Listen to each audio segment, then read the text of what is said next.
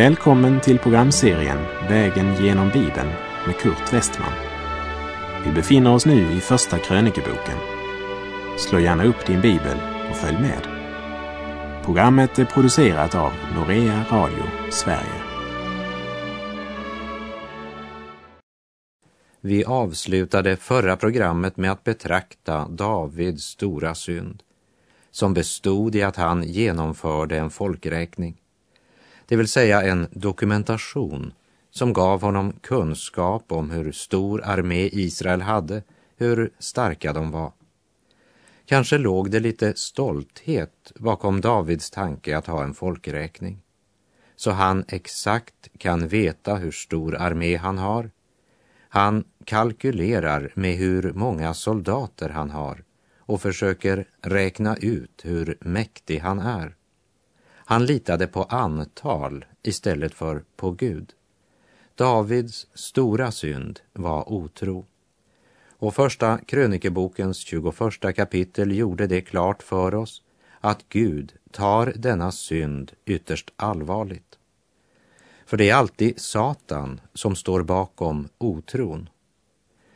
I det nya testamentet säger Jesus följande om den helige Ande i Johannes 16, vers 8 och 9. Och när han kommer skall han överbevisa världen om synd, om rättfärdighet och dom, om synd, ty det tror inte på mig.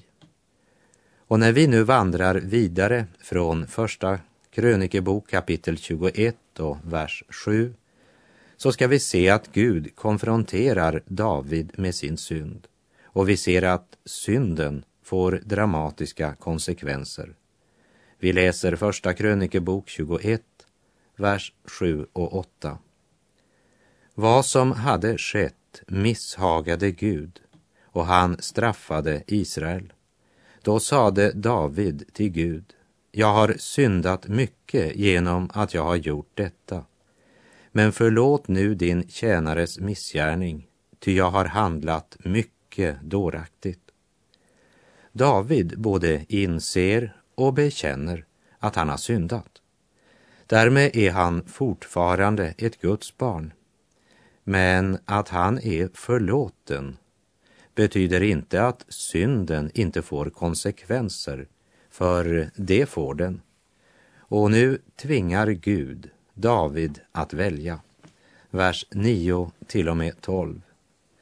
Men Herren talade till Gad, Davids siare, och sade Gå och tala med David och säg Så säger Herren, tre ting förlägger jag dig. Välj bland dem åt dig ett som du vill att jag ska göra dig.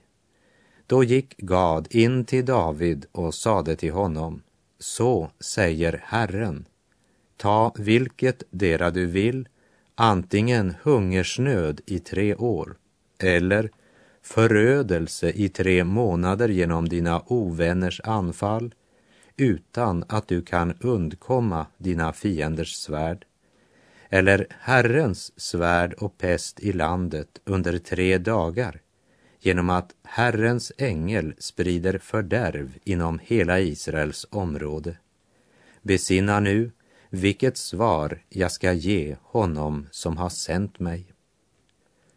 Och när vi nu läser vidare i texten så ska du lägga märke till vad David säger. Och jag hoppas att du håller med mig om att David var en verkligt stor man. Och det kan vi säga utan att förneka att han var en människa med samma natur som du och jag, präglad av mänsklig skröplighet. Han snubblade, han begick synder. Han hade sina fel och brister, men han förlorade aldrig viljan att leva i gemenskap med Gud. Och hör nu vad David svarar när profeten Gad ger honom besked från Gud att han måste välja mellan tre olika konsekvenser för sin synd. Vers 13. David svarade Gad, jag är i stor vånda, men låt mig då falla i Herrens hand, ty hans barmhärtighet är mycket stor. I människohand vill jag inte falla. David kände Gud. Han är alltså mannen som beordrar en folkräkning därför att han börjat lita på mänsklig styrka, men som nu inser vad det är han har gjort. Han tänker tillbaka och kanske minns den lilla herdegossen som gick ut mot Goliat med bara en stenslunga och fem stenar. Då litade han på Gud. Och vilket vittnesbörd han hade den gången. David var lika mänsklig som du och jag. Vi litar på Gud när det gäller frälsningen, men vi litar inte på honom när det gäller vardagslivets problem. David hade vänt sin blick mot fienden och efter en tid kastade han inte bara en blick på fienden, men han fokuserade på fienden.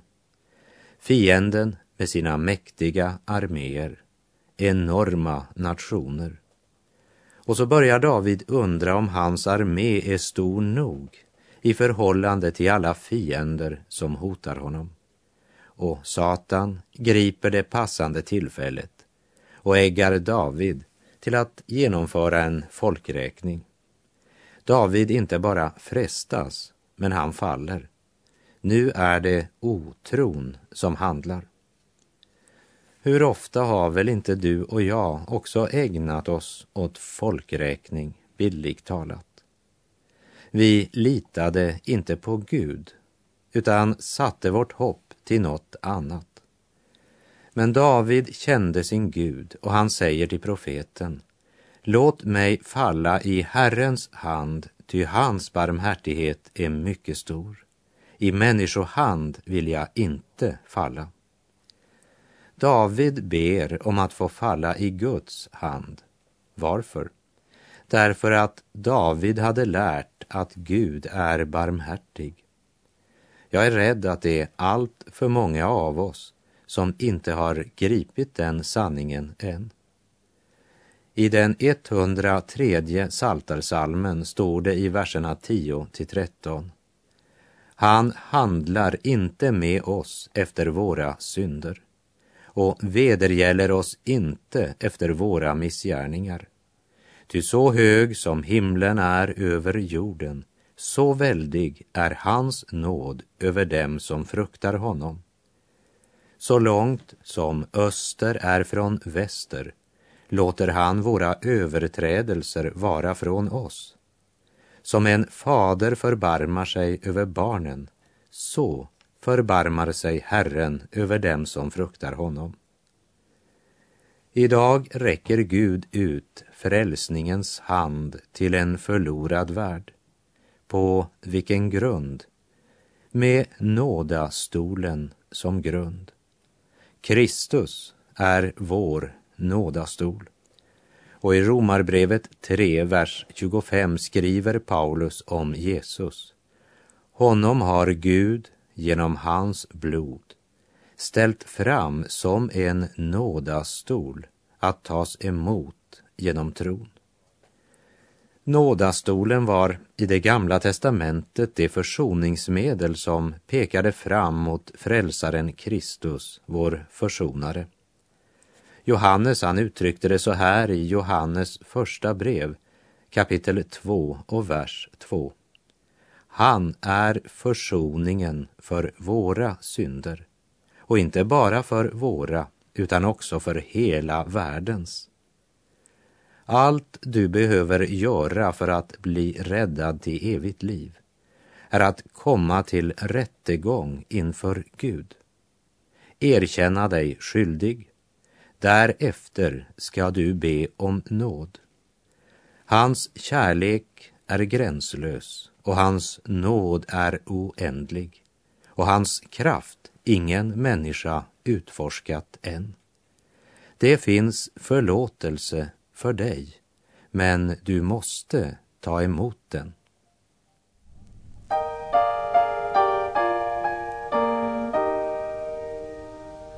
Han ger mera nåd när min börda blir större, när arbetet växer, mer kraft han beter. Vid ökade trångmål hans kärlek fördubblas när prövningar möta sin frid han mig ger. Hans kärlek är gränslös, hans nåd är oändlig, hans kraft ingen människa utforskat än. Ty av sina väldiga,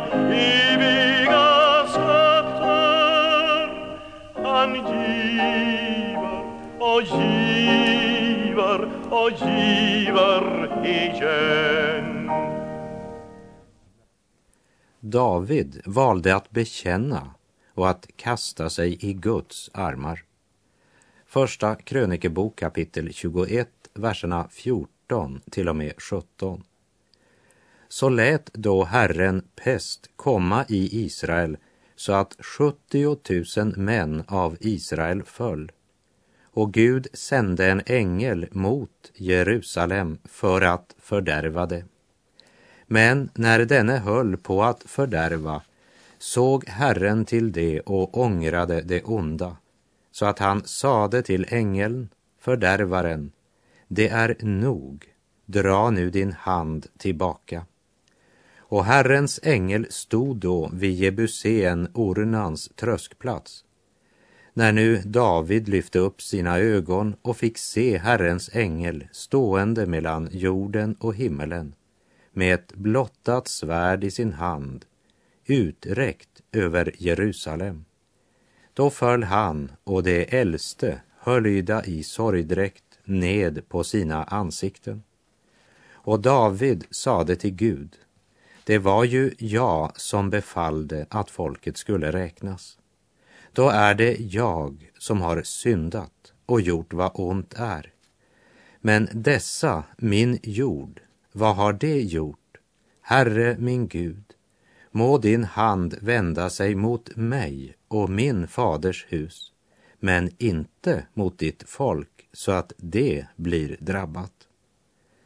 Lägg märke till denna fantastiska bön David här ber. Han tar helt och fullt ansvar för sin synd. Jag skulle vilja säga att David har förändrats en hel del. Den gången han begick synd med Batseba så hade han inte tänkt säga ett ord om det, men var redo att mörda hennes man för att rädda fasaden. Och så försökte han lägga skulden för hetiten Urias död på andra. Han var mer rädd att mista ansiktet än hjärtat. Nu är det annorlunda. Han har lärt av sina fall. Han låter alla kamouflageförsök falla. Han säger till Gud, jag är ansvarig för detta. Det är mig du ska straffa, inte mitt folk. Och vers 18 till 21. Men Herrens ängel befallde Gad att säga till David att David skulle gå bort och resa ett altare åt Herren på Jebusén, Ornans tröskplats. Och David gick på grund av det ord som Gad hade talat i Herrens namn. Då Ornan nu vände sig om fick han se ängeln och hans fyra söner som var med honom gömde sig.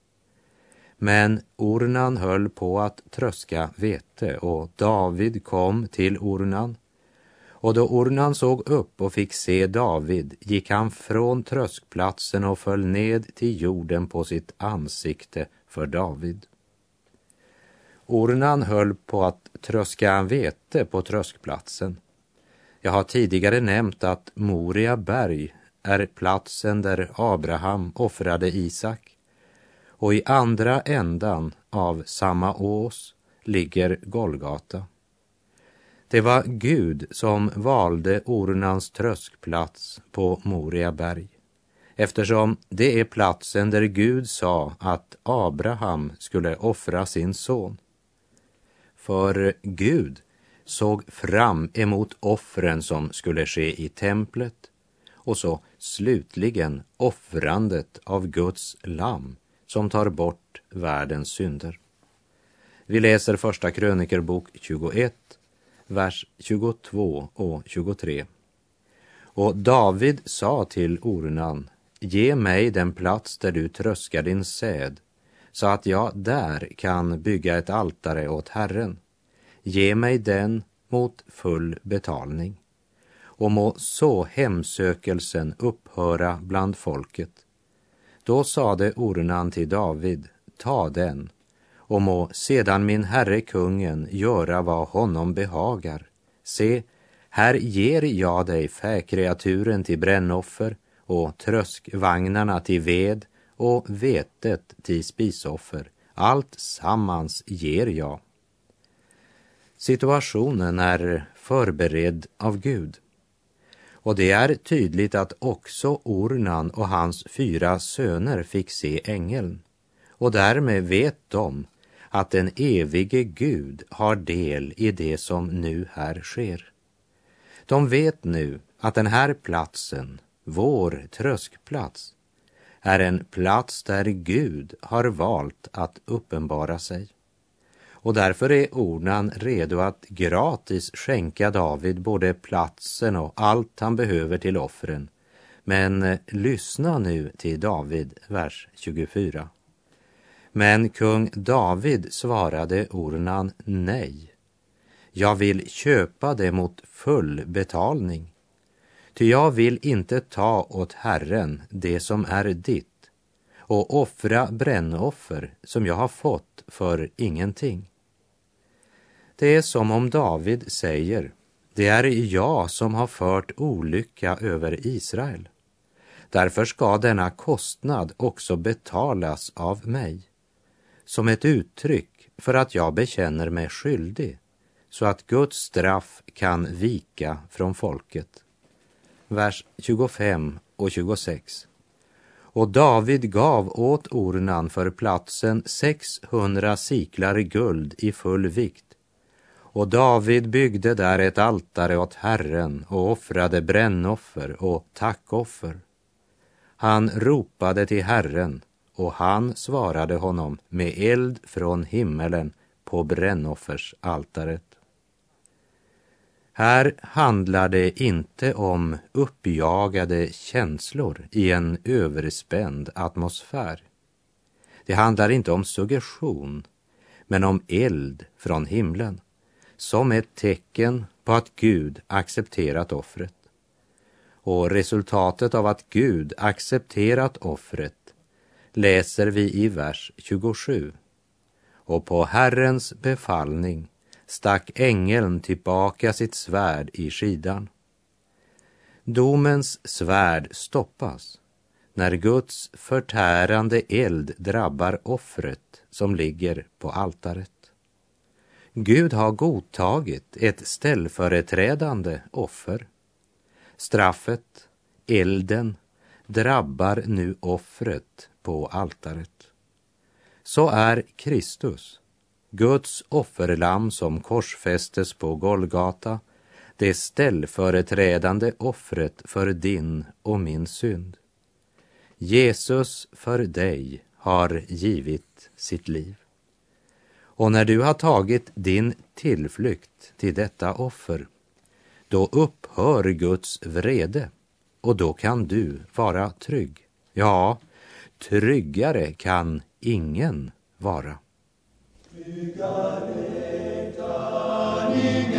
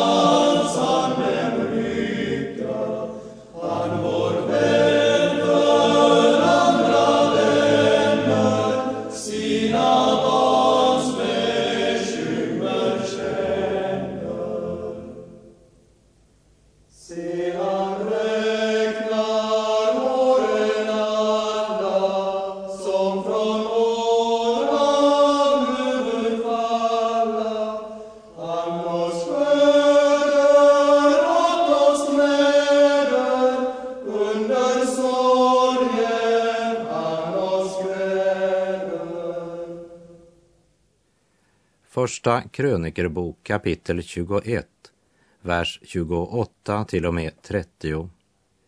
Då, när David märkte att Herren hade bönhört honom på Jebusén Ornans tröskplats, offrade han där.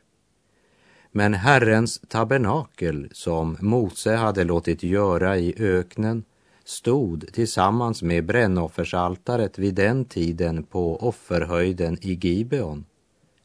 Dock vågade David inte komma inför Herrens ansikte för att söka honom. Så förskräckt var han för Herrens ängels svärd. Här ska du lägga märke till att David placerar offret på den plats där templet senare ska byggas.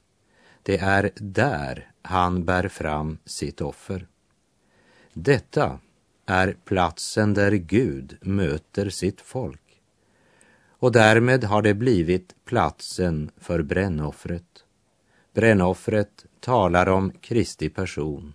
Tackoffret talar om Kristus som vår frid. Kristus, han som gav sitt liv för din skull. I Johannes 15, vers 13 står det Ingen har större kärlek än att han ger sitt liv för sina vänner. Jesus, ingen har större kärlek än han och hos ingen annan finns frälsningen. I Apostlagärningarna 4.12 står det Hos ingen annan finns frälsningen. Inte heller finns det under himmelen något annat namn som givits åt människor genom vilket vi blir frälsta. Att stå vid korsets fot och se det som hände där och ändå vända ryggen till Jesus är den största dårskap. Rövarna som hängde där, de var tvungna att dö på grund av sina synder och förbrytelser. Men Jesus var inte tvungen att dö, utan han gav sitt liv för sina vänner. Ja, för dig. Jesus hade inget annat motiv för sitt stora offer än kärleken till dig. Därför ligger det en stor och evig sanning i orden. Ingen har större kärlek än att han ger sitt liv för sina vänner. Men Jesus gick ännu längre. Han dog inte bara för sina vänner, han dog också för dem som hatade honom.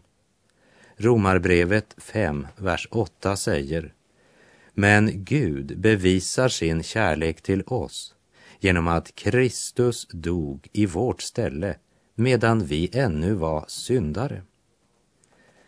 Det var du och jag som hade syndat och syndens lön är döden.